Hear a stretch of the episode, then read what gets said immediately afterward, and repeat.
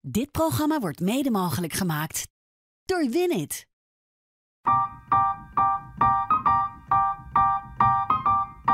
In deze podcast praat ik al een paar seizoenen over de liefde. Over verschillende vormen van relaties, over verschillende vormen van seksualiteit, over bijzondere fetish, over grappige datingverhalen. Maar ik heb het eigenlijk niet zo heel vaak over wanneer de liefde giftig wordt of erger gevaarlijk. Terwijl partnergeweld komt echt gigantisch veel voor en vooral vrouwen zijn hiervan de dupe. Met als gevolg dat jaarlijks 40 vrouwen worden vermoord. Femicide noemen we dit. En daar is gelukkig steeds meer aandacht voor, maar nou, nog lang niet genoeg zou ik willen zeggen. En daarom gaan we deze aflevering praten over de minder leuke kant van de liefde. En heb ik iemand uitgenodigd die helaas deskundig is op dit vlak. Sinds deze week ligt haar derde boek in de winkel. Femicide tot de dood ons scheidt. Maar eerst even dit. Team Over de Liefde is super blij met jou als trouwe luisteraar. Ben je nou ook blij met ons? Abonneer je dan op deze podcast. Oh, en heb jij een bijzonder liefdesverhaal dat je met ons wilt delen? Laat het mij dan weten. Stuur een mail naar debbie.ad.nl of laat een DM achter op mijn Instagram, debbiegerrit.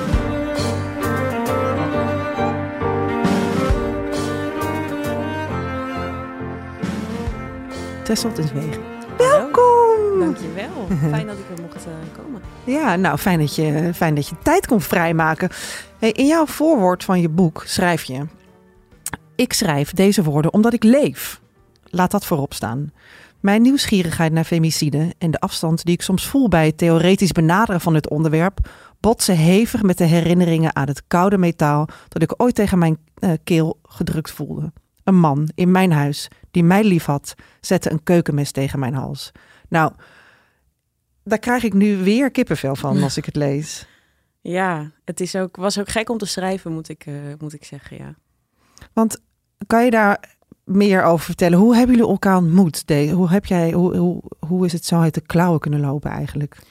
Um, nou, toen ik 19 was, um, was ik een beetje een uh, onzekere, sombere puber. Mm -hmm.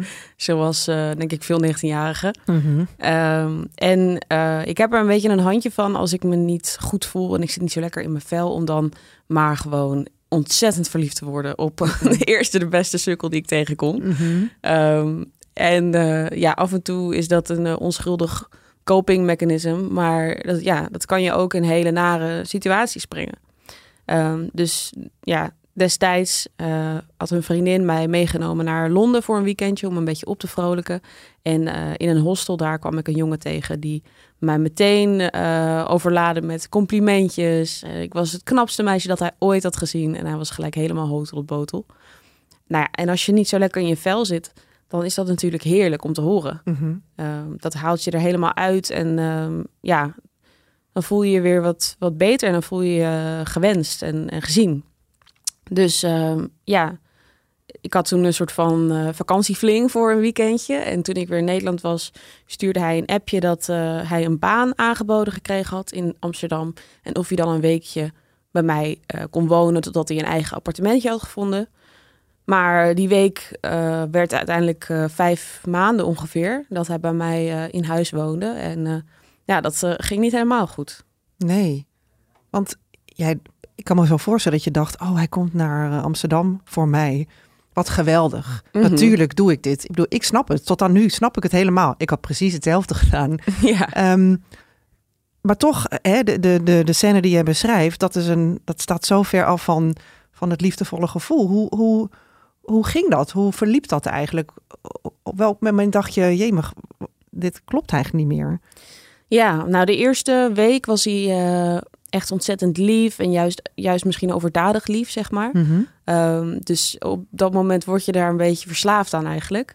Um, en uh, ja, in de weken daarna begon hij eerst, nou, hij was niet meteen fysiek gewelddadig, maar wel verbaal, ja, niet, niet, ja, misschien zelfs wel verbaal gewelddadig. Hij probeerde in ieder geval heel erg mijn zelfvertrouwen te ondermijnen en um, ja, begon echt mij een beetje afhankelijk te maken van zijn bevestiging. Mm -hmm. um, dus telkens uh, als ik dan de deur uitging, het was koud, het was winter en ik had een dikke trui aan of zo, dan maakte die opmerking over dat ik er, uh, dat ik er slonzig uitzag of zoiets. En uh, ja, dan, dan dacht ik van, oeh, ik weet eigenlijk niet of ik dit fijn vind en of ik dit vind passen bij, um, ja, of ik dit wel wil. Maar als ik dan daar iets zou, van zou zeggen, dan krijg ik vaak te horen van... ja, maar ik ben helemaal voor jou naar Nederland gekomen. Ja, ja. Of eh, je moet niet zo gevoelig doen. En wat ook meespeelde is dat ik 19 was en hij was 25. Dus ehm, ik denk dat ik heel erg naar hem keek om een beetje te beslissen van wat is normaal in een relatie. ja, ja. En als ik dingen aangaf van, oh, ik weet niet of ik dit heel prettig vind, dan kon hij daar heel goed op inspelen door te zeggen van, ja, maar je bent onzeker, je bent zo jong, je weet nog niet zo goed eh, hoe het allemaal in elkaar zit. En dan nam ik van hem aan van, oké, dit is blijkbaar hoe een relatie hoort te gaan. Ja, want dat vergeten we nog wel eens. Als je zo jong bent, dan weet je dat helemaal niet. Eh, ik kan me dat heel goed voorstellen. En ook als ik naar, naar mezelf kijk en naar mijn eigen eh, jeugd. En dan heb ik ook, ben ik ook mannen tegengekomen die eigenlijk precies hetzelfde deden. En, en ook mijn eigen reactie erop. Je gaat je heel erg schikken naar, naar iemands wens, omdat je het gewoon eigenlijk niet zo goed weet hoe het werkt. Eh, Mhm. Had jij dat ook niet vanuit huis meegekregen? Ehm, nou, ik heb wel, een, ik kom eigenlijk uit een heel fijn en veilig nest. Eh, met ouders die heel respectvol ehm, naar elkaar omgaan. Ehm, maar ja, ik denk niet dat we thuis echt expliciet hebben gehad over wat is nou normaal in een relatie. Mhm. En ja, wat zijn rode vlaggen of naar welk gevoel moet je nou luisteren. En ik denk ook dat het voor die leeftijd heel erg eigen is om, om te gaan nadenken van oeh, ja, misschien ligt het inderdaad aan mij. Ja. Of, of interpreteer ik het verkeerd. Ja.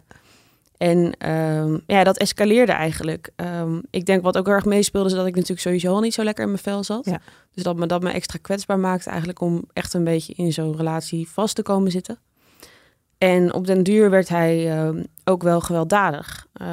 De eerste keer dat er sprake was van geweld, was hij heel dronken. Eh, dus dat leende dan eh, als een mooi excuus ook. dat ik tegen mezelf kon zeggen van...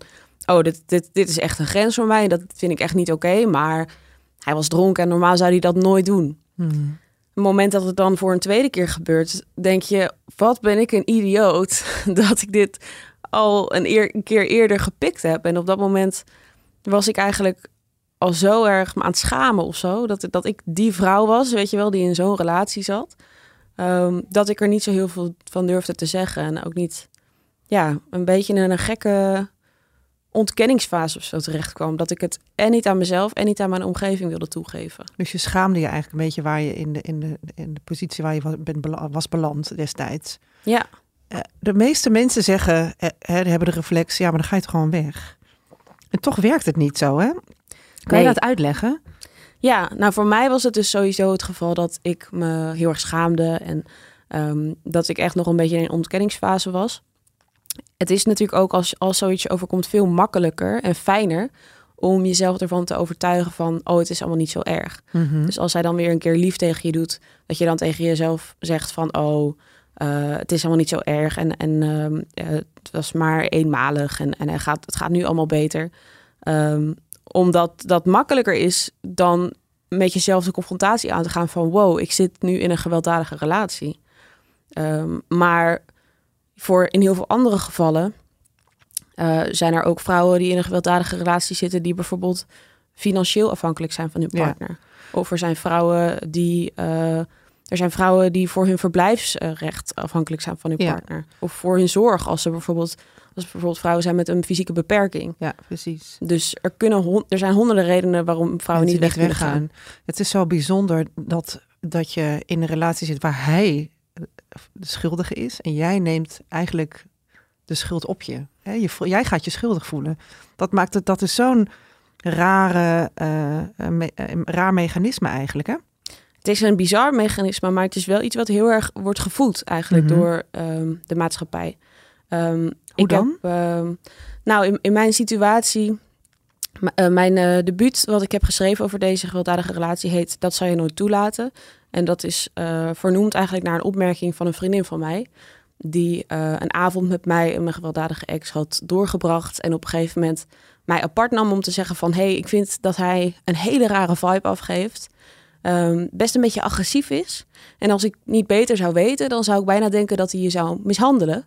Maar ik ken jou, je bent een sterke vrouw en dat zou je nooit toelaten. Nou, dat soort opmerkingen zijn natuurlijk goed bedoeld, eh, maar werken wel erg het beeld in de hand dat je als slachtoffer geweld toelaat of uitlokt. Mhm. En dat het als vrouw jouw verantwoordelijkheid is Uh, om te zorgen dat er geen geweld ja. voorkomt in je relatie. Terwijl het natuurlijk de dader is die ervoor zorgde dat Precies. geweld er is. Precies, en ook dat hele beeld van een sterke vrouw is ook al heel raar. Alsof je ook een categorie uh, zwakke vrouwen vrouw, zou, ja.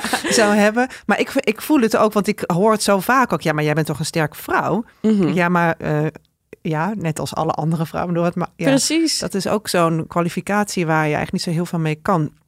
Um, ja, maar het, het, liep bij jou echt uit de hand. En wat was het moment dat jij dacht, maar, maar nu uh, ga ik wel iets, hier moet ik iets doen, want dit, dit houdt niet vol? Um, nou, er gingen wel een aantal maanden voorbij dat er echt sprake was van stelsel structureel geweld. Um, en um, ja, toen was ik eigenlijk een beetje afwezig voor mijn gevoel. Uh, ik was echt heel erg op de, ja, gewoon overlevingsstand. En ik was niet heel erg, uh, ja, ik was er mentaal niet helemaal.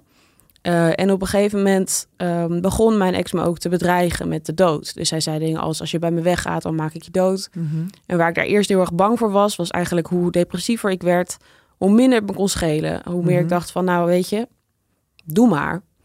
Um, en op een gegeven moment hadden we weer zo'n uh, ruzie die ontzettend uh, escaleerde. Waarbij hij weer zei: van als je weggaat, dan maak ik je dood. En dat ik ook echt tegen hem zei: van nou, je doet maar en het, het boeit me niet meer ik zag dat hij daar heel erg van schrok. Um, dat hij echt merkte van, oeh, mijn dominante positie is een beetje aan het afbrokkelen. Want ik heb haar echt over haar grens heen geduwd. Mm -hmm. En um, ja, toen begonnen we eigenlijk... Ik had nooit eerder gedurfd om terug te slaan of terug te duwen of zo. Omdat hij gewoon fysiek veel sterker was dan ik. Maar op een gegeven moment was ik aan het koken en ik had de voordeur een beetje opengezet om de geur te laten ontsnappen. En hij begon naast me te staan en nare dingen tegen me te hissen eigenlijk. En toen gaf ik hem een duw, waardoor hij buiten de voordeur uh, uh, kwam te staan. En uh, ineens waren de maanden waarin ik me ja, echt mentaal gevangen voelde eh, in zijn grillen en zijn agressie.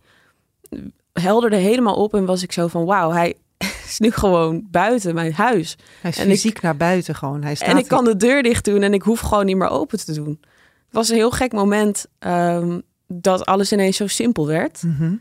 En toen heb ik de deur dichtgelaten en hij heeft daar nog uren staan trappen en schreeuwen en bonzen. Maar ik dacht gewoon, ik ga niet meer open doen. Het is gewoon klaar nu. Wauw. Ja. Het is een soort filmscène, joh. ja, dat hoor ik vaker. Zo voelde het ook inderdaad. In een hele slechte film dan. Ja. Met een goede afloop. Ja. Gelukkig. Dus ik heb toen de, de opzichter van mijn appartementencomplex gebeld en gezegd van ik wil dat hij niet meer binnenkomt. Um, ik had nog wat spullen van hem op mijn kamer liggen en die heb ik bij de receptie uh, gedropt. Een aantal uur later. En um, toen heb ik een appje gestuurd van je kan je spullen ophalen en ik wil je niet meer hier binnen zien. En toen, uh, ja, wow. was het klaar. Wauw, want het is echt zo daadkrachtig. Ineens zag jij en nu is het klaar gewoon. Want terwijl je de maanden daarvoor uh, heeft hij zo vaak is hij over je grenzen gegaan en zo ja, en gewelddadig geweest hadden andere mensen dit in de gaten eigenlijk? Hadden je, had jouw omgeving dit? Ik bedoel, je vertelt net over je vriendin, maar hadden jouw ouders iets in de gaten? Kon je het, bedoel, kon je het aan je zien, fysiek? Mm, nou, ik, ik loog heel veel. Ik denk dat dat heel erg komt dus door die schaamte waar we het eerder over hadden. Mm -hmm. er, waren wel, er waren wel momenten waarop ik uh, verwondingen had, blauwe plekken of um, ik had op een gegeven moment zelfs een bijtwond.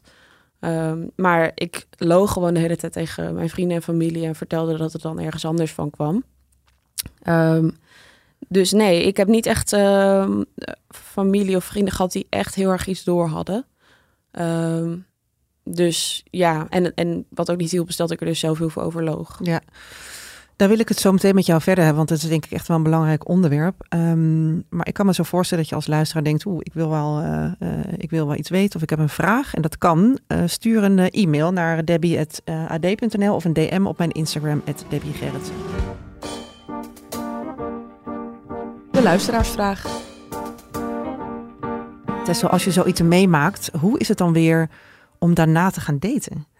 Ja, ik denk dat dat heel erg verschilt per persoon. Um, ik moet zeggen dat ik uh, zelf heel veel geluk heb gehad, omdat ik vrij kort na deze relatie een nieuwe relatie kreeg met een, met een uh, jongen die ik al heel lang kende.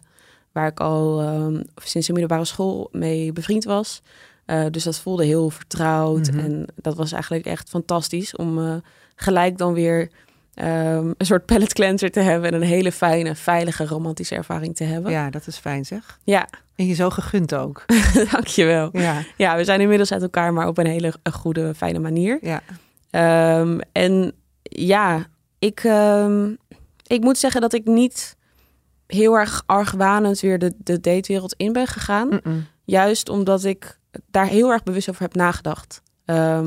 Ik, ja, ik, juist toen ik hem een beetje ging, ging losmaken van, van die opmerkingen als dat zou je nooit toelaten en eh, je moet dat niet pikken en je moet een betere partner kiezen, eh, besloot ik juist van, ik ben het daar echt heel erg mee oneens. Ja. En ik vind juist een van de fijnste dingen en de belangrijkste dingen dat ik mij eh, vol vertrouwen en ja, juist open voor de liefde door de wereld heen beweeg. Ja. En ik wil niet bitter worden, Nee. achterdochtig worden en eh, ja, dat soort dingen. Dus ik heb heel juist heel erg bewust ervoor gekozen om, eh, om dat echt te verwerken, in therapie te gaan en dan met een schone lei weer ehm, de datewereld in te gaan. Nou, heel knap hoor. En, eh, want wat zijn nou rode vlaggen waar je, waar je op moet letten? Weet je wel, als je gaat daten, dan kan me voorstellen dat jij wel daar meer op aanstaat. Zijn er dingen waarvan je achteraf denkt, ja, nee, dat, had ik, dat ga ik nooit meer doen en dat moet ik eigenlijk, als mensen nu luisteren, daar moet je echt op letten? Ja, Ehm, ik denk dat bij mijn ex dat ik ja, toen dus gewoon heel somber was en ah, dat gewoon iedereen die me met zijn complimentjes had overspoeld op dat moment dat ik daarvoor voor gehapt had. Ja, Uh, maar er zijn absoluut dingen aan hem waar ik nu helemaal niet meer op zou vallen. Hij was best wel impulsief, hij was best wel arrogant. Um, dus dat zijn sowieso dingen waar ik uh, niet meer uh, uh, op val. Um, maar als je het hebt over geweld in relaties in de algemene vorm. Um, wat tekenend is, is dat die relaties vaak heel intens uh, beginnen. Uh, dat noem je ook wel lovebombing. Dus Ja. dat een uh, persoon je vanaf het moment één meteen overspoelt met complimentjes, cadeautjes en enorme uh, termen als je bent het mooiste meisje van de wereld. Ik heb nog nooit zoiets gevoeld. ja precies. Dat soort dingen. Eigenlijk klopt dat gewoon niet. Nee, dat is vaak. Dat is superleuk om te horen. Ja, Maar, dat is vaak hoe een gewelddadige Ja. relatie begint. ja. Um, en uh, iets wat we ook uh, tekenend zien voor gewelddadige relaties is iets wat in de literatuur wordt genoemd dwingende controle. Mhm. Dus dat is als iemand uh, de hele tijd probeert te controleren wat jij doet met je leven. ja, ja. En dat kan gewelddadig zijn. Dus iemand kan zeggen van je moet nu naar huis komen of anders ga ik je slaan. Maar het kan ook zijn dat als jij bijvoorbeeld met je partner op een feestje bent en je hebt een paar minuten met een andere man staan praten, dat hij dan uh, twee dagen negeert of zo. Ja, ja, ja. Dus het zit ook heel erg op jaloezie. En het is waarschijnlijk ook een glijdende schaal. Zeker, ja. Hè? Van als je in het begin, uh, in, want in het begin denk je, oh, het is eigenlijk best wel schattig als iemand je een beetje jaloers is. Ja. Maar Nee. nee. nee. Dus dat, uh, dat kan in verschillende vormen voorkomen. Ja. Uh, en partnergeweld dat kan ook gruwelijk misgaan. Um, ieder jaar worden 40 vrouwen vermoord door partners of hun ex-partners. Um, wat, dat, dat, wat weten we eigenlijk van femicide? Jij hebt er een heel boek, je hebt er een boek over geschreven. Nou, je hebt ongeveer je derde, je, je derde boek erover ja. geschreven. Dus je bent, uh, je, je, bent expert. wat is femicide? Um, de definitie van femicide is nog iets waarover gediscussieerd wordt. Sommige mensen die noemen femicide alleen zo wanneer een vrouw wordt gedood door haar partner of ex-partner.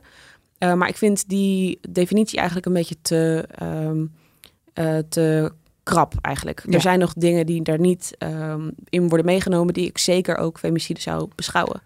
Dus je hebt bijvoorbeeld het verhaal van Mieke Oort van 21. Een meisje die een jongen had ontmoet via Tinder en op twee ja. dates met hem was geweest. Uh, daarna hem vertelde dat ze niet in hem geïnteresseerd was. En hij heeft haar vervolgens uh, in, haar, in haar eigen slaapkamer om het leven gebracht, omdat hij zich zo afgewezen voelde.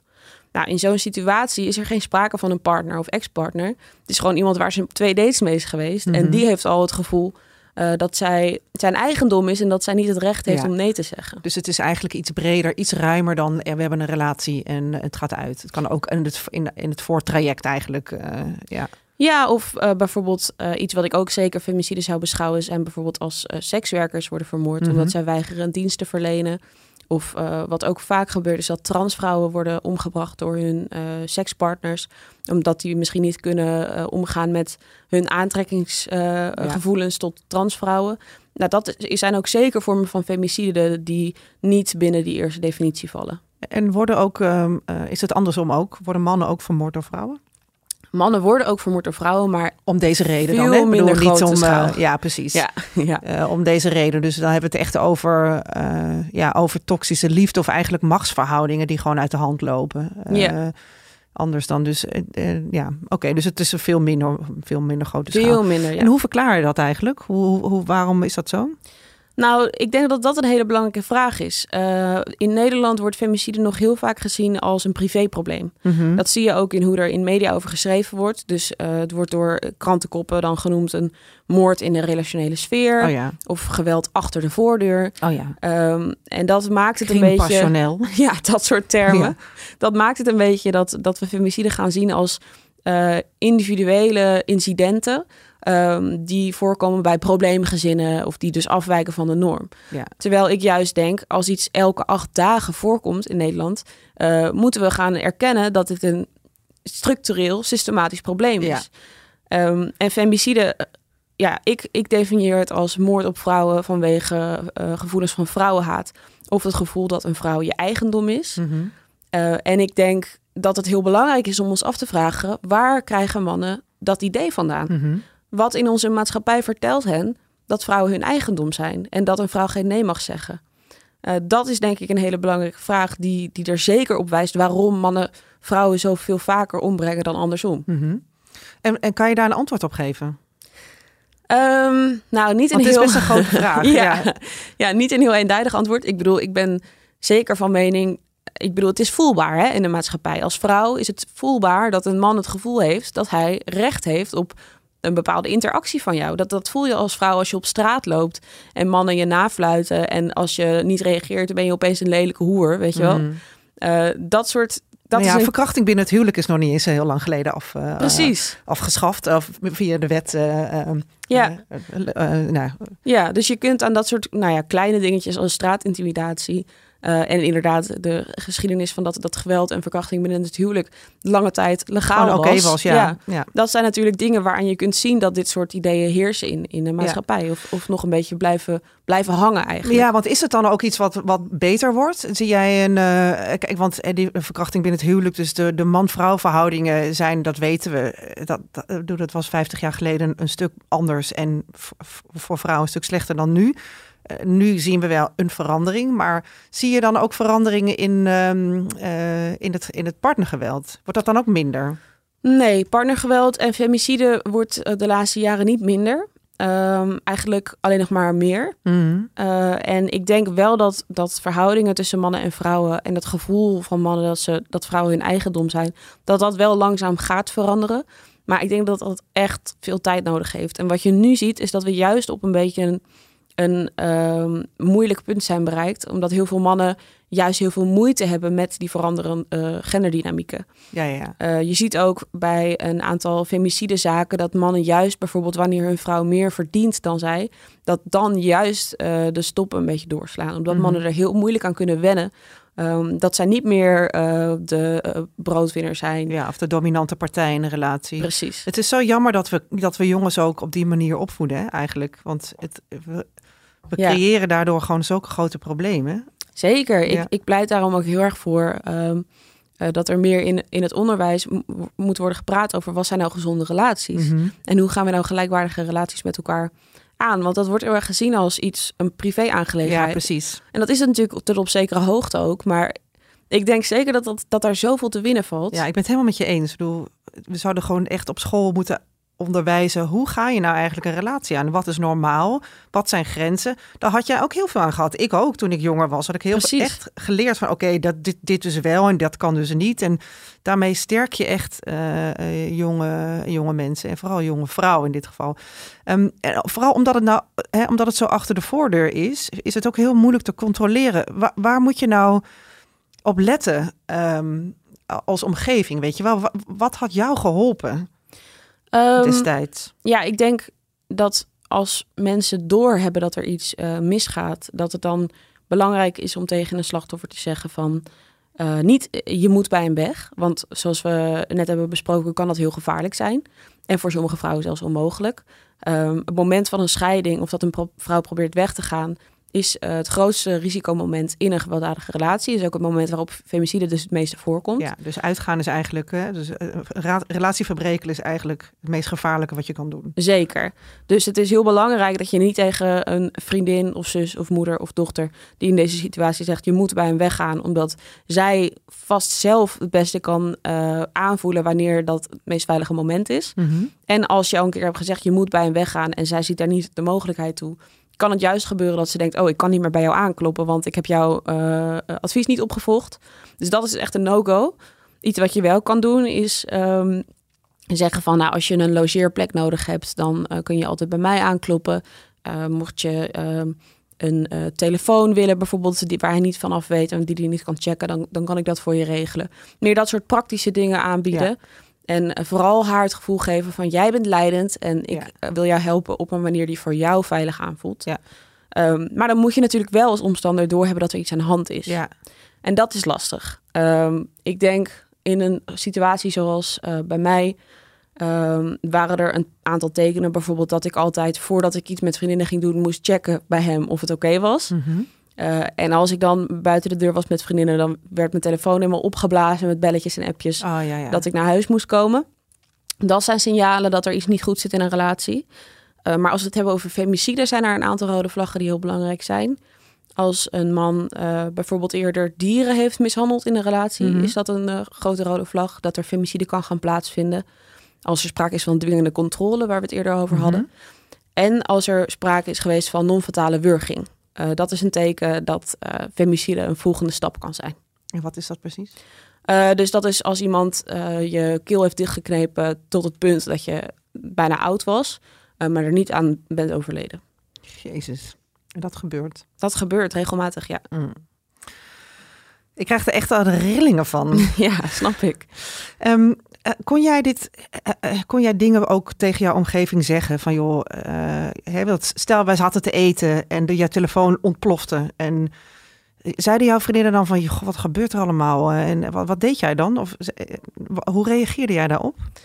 Ja, ik had meestal een leugen klaar. Dus ja. dan zei ik van ik moet nu weg, want er is iets met mijn familie of ja, precies. zoiets. Dus je, je verzon allemaal smoezen om het eigenlijk een beetje in stand te houden. Ja, zeker. Ja. ja.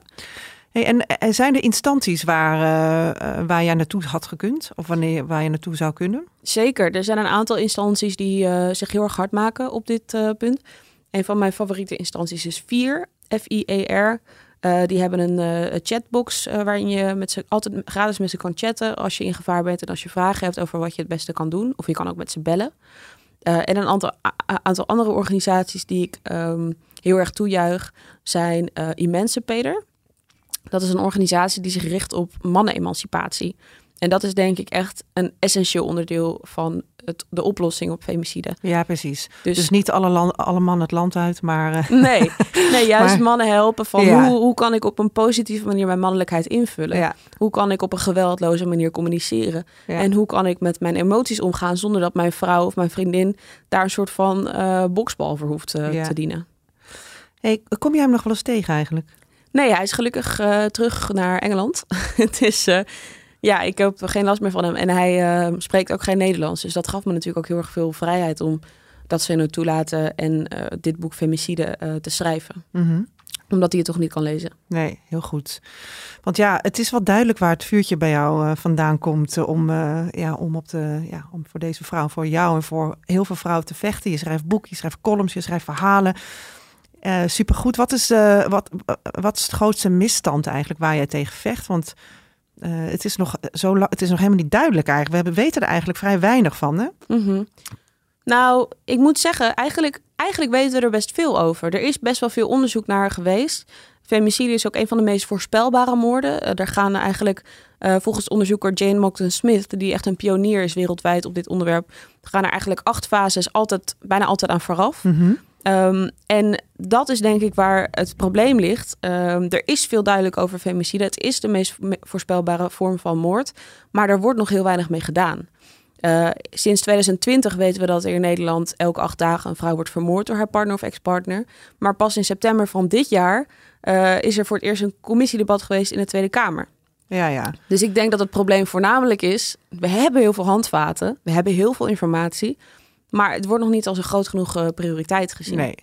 En dat is heel belangrijk, want anders gaat het gewoon niet opgelost worden. Zeker. Ik bedoel, zozeer, dat is een, is een dooddoener, dat snap ik wel. Maar uh, dus het is niet alleen femicide, maar alles, het hele traject daarvoor wordt ook, moet er gewoon veel duidelijker over gesproken worden. En denk ook veel duidelijker naar, naar zowel mannen als vrouwen. Uh, van dit, dit, dit, gaat, dit is er. En dit, gaat, dit kan er met je gebeuren. Precies. Um, Wanneer ben je eigenlijk uh, klaar met vechten? wanneer, wanneer, uh, wat zou een ideale situatie zijn? Um, nou, ik zou heel graag willen dat, dat, dat femicide hoger staat op de politieke agenda. Ja. Uh, en dan niet alleen maar met wat ik nu zie, uh, nu de, de term een beetje begint te leven en nu het natuurlijk campagnetijd is, ja. dat iedereen loopt te schreeuwen van we moeten het zwaarder bestraffen. Ik vind het trouwens heel, ik hoor het verdomd weinig hoor, in de verkiezingscampagne. Ja. ja. Nou, nu hoor je het een beetje, en, maar dan wordt er gelijk heel makkelijk geschreeuwd van oh, we moeten het zwaarder bestraffen. En dat vind ik echt ontzettende onzin, omdat heel veel plegers van femicide zelfmoord plegen. Uh, plus, moord is natuurlijk al ontzettend strafbaar en dat heeft nog nooit iemand tegengehouden. Uh, en ja, femicide is toch bij uitstek iets om te voorkomen. Ja. In plaats van zwaarder te bestraffen. Dus ik, ik wil gewoon graag dat politici um, zich meer gaan verdiepen in het onderwerp. En niet alleen maar gaan schreeuwen van oh, zwaardere straffen, zwaardere nee, straffen. Want maar... dat is te, het is allemaal te praktisch ook. Het ja. is te veel papier. Want er zit natuurlijk gewoon heel veel emotie achter. En ja. heel veel verdriet. En de, niemand is geboren als moordenaar en niemand is uh, geboren als slachtoffer. We zijn Precies gewoon. Dat. Eh, we willen gewoon met z'n allen uh, hier zijn en fijne relaties hebben met elkaar. En dat is denk ik de oplossing ja, dat, denk te ik leren. Ook. Ik zeg dat ook altijd, en dat, en dat is misschien een beetje controversieel, maar ik denk dat daders geen straf nodig hebben, maar hulp. Hmm. Uh, en daar bedoel ik niet mee dat, dat plegers van femicide, dat ik daar niet woedend op ben. En dat ik niet denk, wat een verschrikkelijke mensen. Maar ik denk wel dat er gewoon heel veel te winnen valt als we het met potentiële plegers hebben over hoe gaan jullie uh, op een geweldloze manier met elkaar om? Ja. En hoe kun je je mannelijkheid anders vormgeven? Ja, precies. Uh, dat heeft denk ik meer zin dan uh, mensen vastzetten. Leuk dat je luisterde naar Over de Liefde. Heb jij nou een prangende vraag over de liefde, seks of relaties? Laat het mij dan weten. Stuur een DM op mijn Instagram of mail naar debbie.ad.nl. Oh, en vergeet niet om je te abonneren op deze podcast.